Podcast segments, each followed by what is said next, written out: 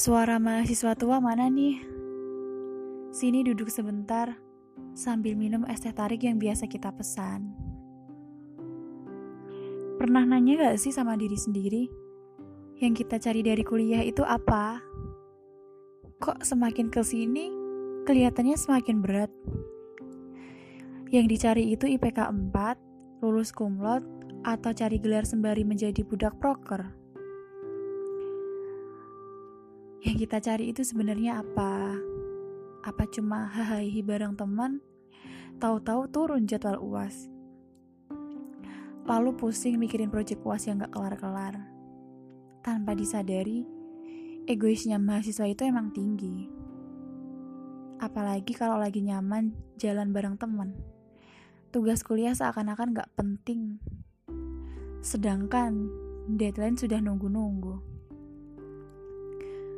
Setelah itu nyiksa diri sendiri. Hampir dua hari nggak tidur demi nyelesain tugas yang nggak terstruktur. Kalau kayak gitu salah siapa? Tapi apa kuliah emang sebercanda itu? Besok ujian, malamnya baru sadar kalau selama empat bulan di kelas nggak tahu apa aja yang dijelasin dosen. Satu bulan kemudian, transkrip nilai keluar, yang hasilnya enggak sesuai harapan. Marah-marah tuh sama dosennya. Ini gimana, kok jadi gini?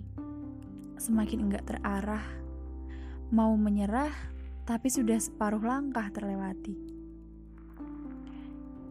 Akhirnya memilih untuk tetap bertahan dengan segala kebiasaan yang sulit untuk ditinggalkan.